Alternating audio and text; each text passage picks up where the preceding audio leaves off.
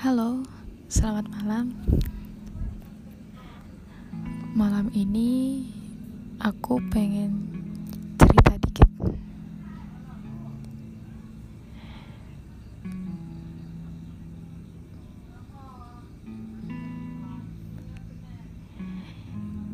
Aku pengen cerita ketika aku mengikuti salah satu sesi kelas mental health. Kelas kesehatan mental. Saat itu masih kira-kira awal musim pandemi. Nah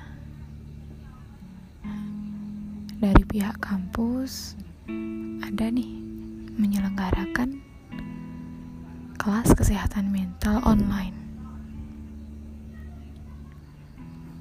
Nah, aku bergabung tuh di situ. Dan di salah satu sesinya yaitu sesi kelas melalui podcast dengan tema meditasi.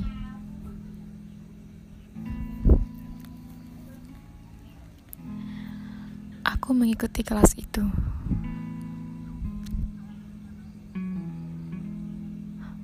Aku duduk di kamar. Aku mendengarkan podcast tentang meditasi melalui headsetku. Pelan-pelan ku dengarkan alunan musiknya.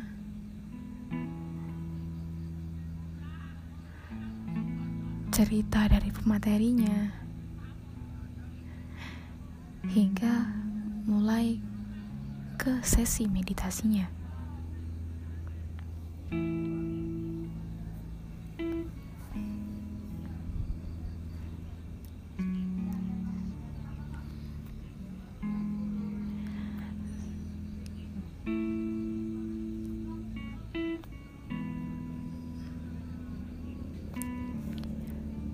Seperti biasa, di awal meditasi,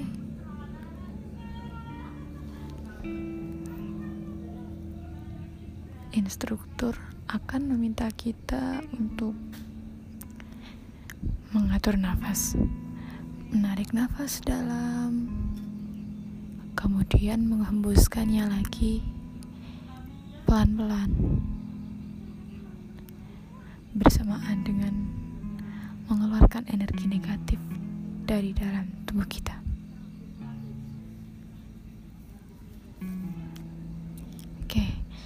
Semua masih tampak aman-aman aja.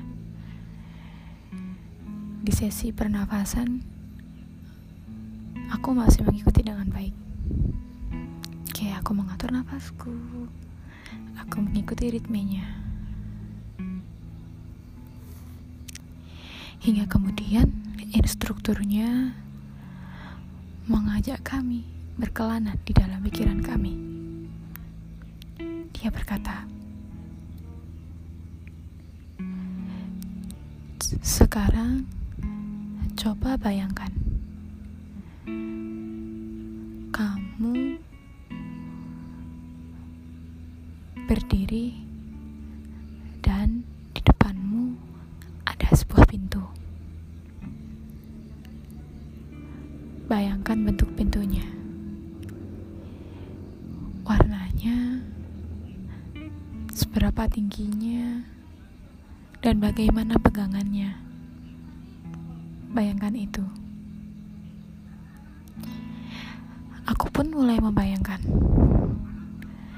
sebuah pintu setinggi kira-kira 2 meter.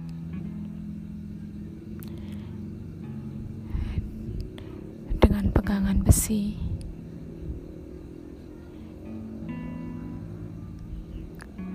Kemudian sang instruktur melanjutkan. Sekarang coba buka pintu itu. Buka pintu itu dan masuklah. Di situ nanti kamu akan melihat sebuah ruangan. Nah, Aku mulai membuka pintuku, pintu dalam pikiranku. Aku memegang gagangan besinya. Aku menariknya dan melangkahkan kakiku masuk ke dalam ruangan tersebut. Sang instruktur menambahkan lagi, "Nah, sekarang coba edarkan pandanganmu ke sekeliling ruangan itu." ada apa aja. Perhatikan seluruh ornamennya. Aku pun mulai membayangkan ruangan itu dengan ornamennya, dengan pernak-perniknya. Aku membayangkan sesuai dengan pikiranku. Sampai kemudian sang instruktur menambahkan lagi, "Sekarang di dalam ruangan itu, kamu melihat orang-orang yang mungkin pernah menyakitimu, yang pernah melukaimu, yang pernah menghinamu, yang pernah mencaci makimu, yang pernah merendahkanmu." yang pernah mengucilkanmu, yang menjelek-jelekkanmu, yang menghancurkan hidupmu, yang menyisakan luka di hatimu, luka di batinmu, yang membuatmu menangis setiap hari, yang membuatmu ketakutan, yang membuatmu kesedihan. Orang-orang itu, hadirkan orang-orang itu di ruangan itu.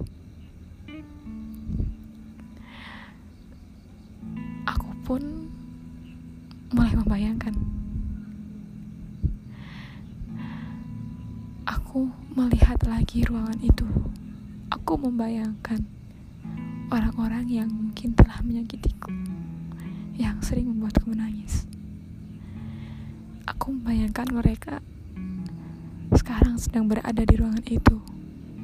Tapi sayang sekali Sekuat apa pun aku mencoba, aku tidak bisa menghadirkan satu pun dari mereka.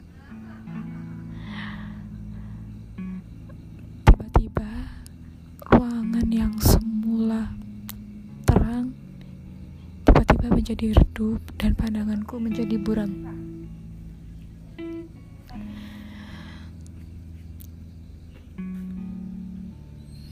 Kemudian, Aku menajamkan mataku. Pelan-pelan, aku menyusuri ruangan itu. Dan, ah, itu dia. Aku melihat satu sosok yang sedang berdiri, ah, yang sedang duduk di sofa di ruangan itu. Aku mendekatkan diri Aku menajamkan pandanganku dan betapa terkejutnya aku. Ternyata yang duduk di situ tidak lain dan tidak bukan adalah diriku sendiri. Ah,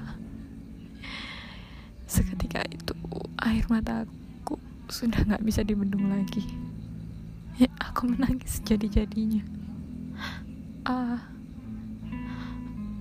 selama ini aku selalu mengira orang lain telah menyakitiku. Aku merasa terluka karena orang lain. Aku merasa tersakiti. Tapi ternyata paling sering melukaiku, yang paling sering menyakitiku sebenarnya hanyalah diriku sendiri. Aku yang menghina diriku sendiri. Aku yang menyisakan luka pada diriku sendiri.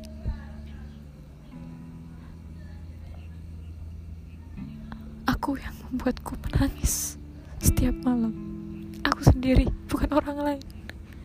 Hanya aku, aku sendiri, orang lain. Kemudian ketika sang instruktur meminta Katakan pada orang di depanmu tanyakan padanya, kenapa kau melakukan semua ini? Kau tahu, aku tidak bisa mengatakan apa pun. Aku hanya bisa menangis lebih dalam, lebih deras, lebih banjir lagi.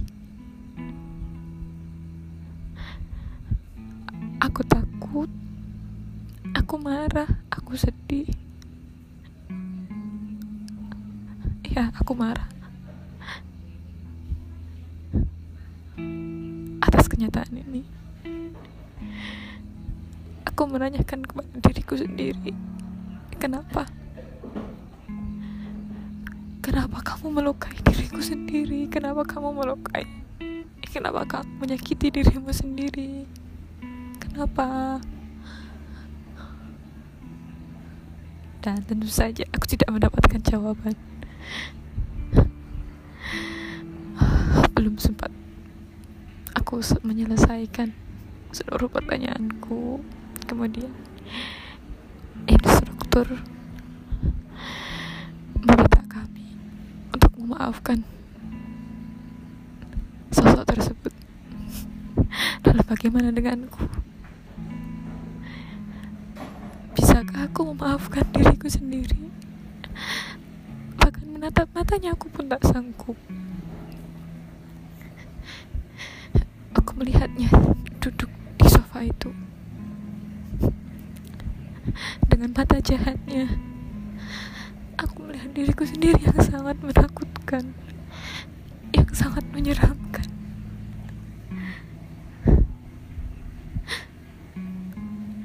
dia satu-satunya orang yang telah menyakitiku satu-satunya yang benar-benar mengkhianatiku satu-satunya yang benar-benar membuatku menangis setiap malam.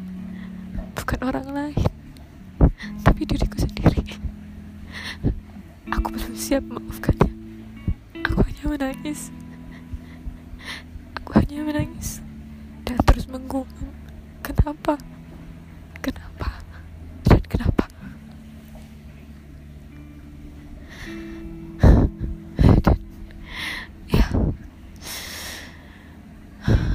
Dan begitulah. Sampai sang instruktur mengarahkan kami ke sesi selanjutnya. Aku masih tetap di situ memandangi diriku sendiri yang sedang terduduk di atas sofa.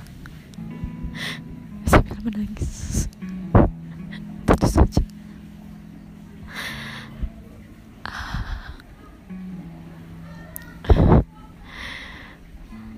Aku mulai menyadari sesuatu. Selama ini mungkin tidak ada orang lain yang benar-benar melukaiku. Aku hanya berpura-pura menjadi korban.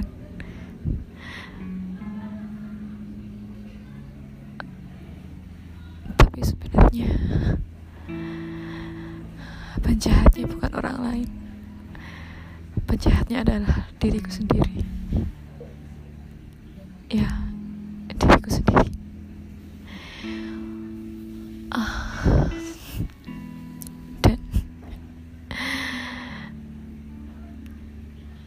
Di sinilah akhir sesi meditasiku kala itu.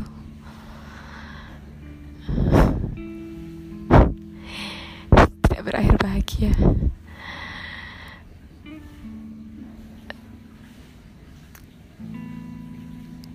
Aku semakin bertanya-tanya.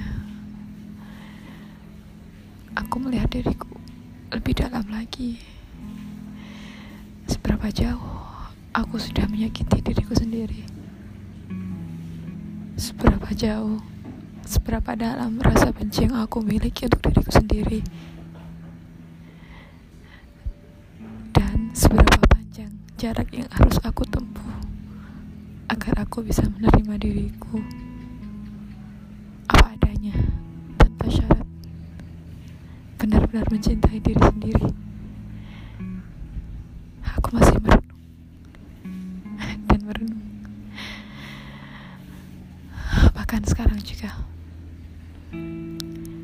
Bersama angin malam aku masih